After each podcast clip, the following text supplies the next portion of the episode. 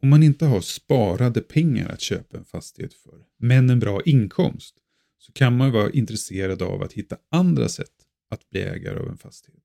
Och ett sådant är hyrköp av fastighet.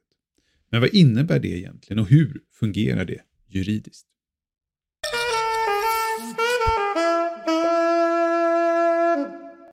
Välkommen till Peter pratar bostadsköp, Rättsakutens videopodd om köp av bostadsrätt och köp av fastighet. Mitt namn är Peter Dittmer och jag är jurist och jag jobbar som juridiskt ombud i tvister som gäller bostadsköp. I det här avsnittet ska jag berätta om vad hyrköp är för någonting. Och jag ska också berätta om rättsfallet med vandrarhemmet i Lycksele. Så, vad är då ett hyrköp? Ja, problemet som jag sa, det är alltså att man inte har några sparade pengar, men man har en bra inkomst. Och då är frågan hur man kan bli ägare av en fastighet ändå. Och ett sätt är såklart att man tar ett banklån. Men det är inte alltid möjligt om man inte har några sparade pengar alls som man kan sätta in i handpenningen. Eller om banken inte tycker att den här bra inkomsten är tillräckligt säker så att man får ett banklån av den anledningen. Ett annat alternativ är att man tar ett privatlån, men det är inte alltid det, den möjligheten finns. Och ett annat alternativ slutligen, det är då alltså att hyrköpa fastigheten. Och det är alltså en kombination av ett hyreskontrakt och ett köpekontrakt. Och här finns det två olika varianter. Den ena är att man har ett hyreskontrakt i kombination med en förköpsrätt till en fastighet. En förköpsrätt är alltså ett slags löfte om att ägaren av fastigheten i framtiden kommer att sälja den. Men här är det ett problem. Ni kanske har sett mitt tidigare avsnitt om förköpsrätt till fastighet. Eh, och där framgår det att eh, ett avtal om förköpsrätt till en fastighet inte är bindande. Eh, och det är ju naturligtvis ett problem. Ett företag som använder sig av den här metoden är Bodil som ni kanske har läst om och de har löst det här problemet genom att de kombinerar det här avtalet om förköpsrätt med ett vitesåtagande som gör att de blir skyldiga att betala en straffavgift om de inte senare ingår ett giltigt eh, köpekontrakt. Så det är en variant. Den andra varianten är att man har ett hyreskontrakt i kombination med ett köpekontrakt som är villkorat. Och Det betyder alltså att köpekontraktet är bindande men det kommer att återgå, alltså det kommer inte att gälla slutligt förrän vissa villkor är uppfyllda. Och då blir det alltså villkoren, man skriver det så att villkoren är uppfyllda när den här hyresperioden eh, är avslutad. Och det är den typen av hyrköp som det här avsnittet kommer att handla om.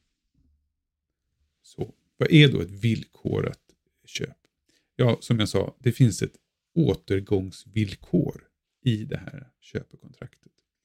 Eh, och det säger att om vissa villkor inte blir uppfyllda så ska köpet gå åter, det vill säga att köparen ska få tillbaka sina pengar och säljaren får tillbaka sin egendom, i det här fallet en fastighet. Det finns också speciella bestämmelser om villkorade köp i jordabalken då, som gäller för fastigheter just. I fjärde kapitlets tredje till sjätte paragrafer så finns de här bestämmelserna. Och där står det bland annat ett sånt, att ett sånt här villkor, ett återgångsvillkor, det måste, måste vara med i köpekontraktet för att det ska vara giltigt. Och om man senare upprättar ett köpebrev så måste det också finnas med i köpebrevet för att det ska vara giltigt. Det står att det finns en tidsgräns för sådana här villkor. Och det står att om man skriver att det senare ska upprättas ett köpebrev så innebär det att köpet är villkorat med att köpeskillingen betalas. Och vad man kan säga om sådana här villkorade köp med, köp med återgångsvillkor, det är att det är väldigt vanligt. I nästan alla köp så finns det ju ett sånt här villkor om att köpebrev senare ska upprättas, vilket alltså i praktiken är ett villkorat köp. Och Sen är det också väldigt vanligt med till exempel återgångsvillkor som gäller en besiktning att köparen ska få tillfälle att besikta fastigheten efter man har skrivit på köpekontraktet. Och att eh, köparen då kan välja att eh, köpet ska återgå om besiktningen inte utfaller på, det sättet som, ja, på ett sätt som köparen är nöjd med. Och när det gäller hyrköp så är den här tidsgränsen extra intressant. Den finns i fjärde kapitlets fjärde paragraf. Och där står det att eh, om det här villkoret löper under mer än två år, om det står föreskrivet i villkoret att eh, under en period av mer än två år så är det osäkert eh, om det här avtalet kommer gälla, så är inte bara villkoret utan hela köpekontraktet, hela köpet är ogiltigt. Och om det inte står någonting alls, då ska man säga att det här återgångsvillkoret gäller under två år. Och Det här är ju särskilt intressant för hyrköp, för två år är ju inte så lång tid för att hyra en fastighet och betala av eller samla ihop pengar eller vad man nu vill göra under den här perioden. Det finns till exempel ett rättsfall eh, som gällde ett, som det kallades, ett hyreskontrakt i kombination med ett hyrköp. Eh, och Det handlade om att eh, köparen skulle hyra fastigheten i 40 år och om köparen då under 40 år fullgjorde sina skyldigheter och betalade hyra och så vidare, då skulle han bli ägare till fastigheten. Och det här, det var enligt domstolen ogiltigt. Så då var hela köpet ogiltigt. För att det just gällde mer än två år. Och anledningen till att man har den här tidsgränsen, det är att det är bäst, både för parterna och för samhället i stort, om ägandeförhållandena för fastigheter är tydliga det ska, som det står i förarbetena, inte råda osäkerhet och oreda i ägandeförhållandena. Men det finns tre stycken undantag till den här tidsgränsen.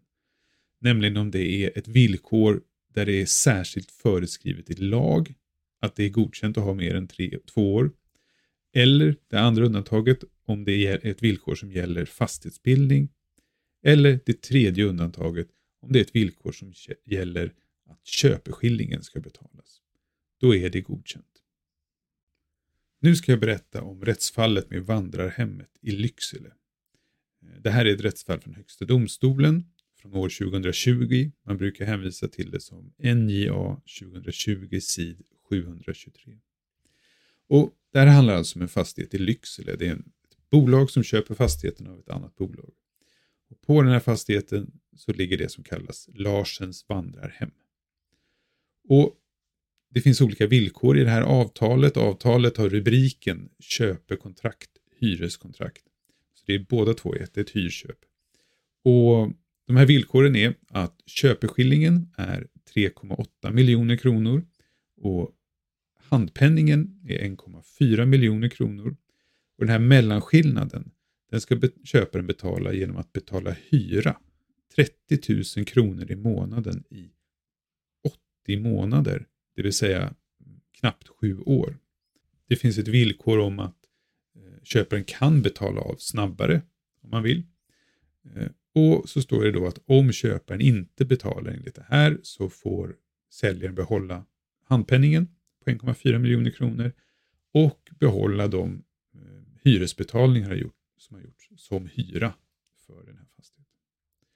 Och Anledningen till att man valde det här upplägget det var helt enkelt att eh, köparen inte fick lån hos banken med mer än 1,5 miljoner kronor. Så långt allt bra, men sen uppstår det naturligtvis problem.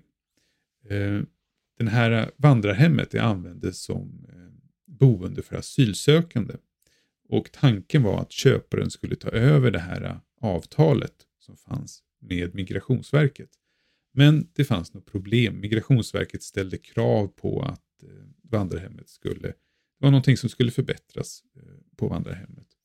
Och då blev köparen och säljaren oense om då vem som skulle stå för det här och det slutade med att köparen betalade den här handpenningen på 1,4 miljoner kronor men ingenting annat och att säljaren hävde köpet. Och då behöll ju säljaren handpenningen. Men köparen tyckte att det här var felhanterat eh, han vill ha tillbaks handpenningen. Och då stämde han säljaren och yrkade att få 1,4 miljoner och argumenterade att det här var ett villkorat köp på mer än två år så hela köpet var ogiltigt och därför skulle han få tillbaks handpenningen. Tingsrätten tyckte att det här köpet var ogiltigt, biföll köparens talan. Hovrätten ändrade det här och tyckte att köpet var giltigt och innan jag går in på vad Högsta domstolen kom fram till så tänkte jag be dig att om du gillar det här avsnittet, om du gillar podden, så ge avsnittet tumme upp så hittar fler till avsnittet och till podden. Och Högsta domstolen de börjar med att konstatera att det här är ett villkorat köp som gäller mer än två år, så därför är det enligt huvudregeln hela avtalet ogiltigt. Så frågan blir då om det här undantaget som gäller att är det ett villkor om att köpeskillingen ska betalas. Är det undantaget tillämpligt eller inte? Och då väger Högsta domstolen olika saker för och emot. Och det som talar för det, det är att eh, de här betalningarna, oavsett om de kallas hyresbetalning eller vad de kallas, eh, de ska räknas av på köpeskillingen.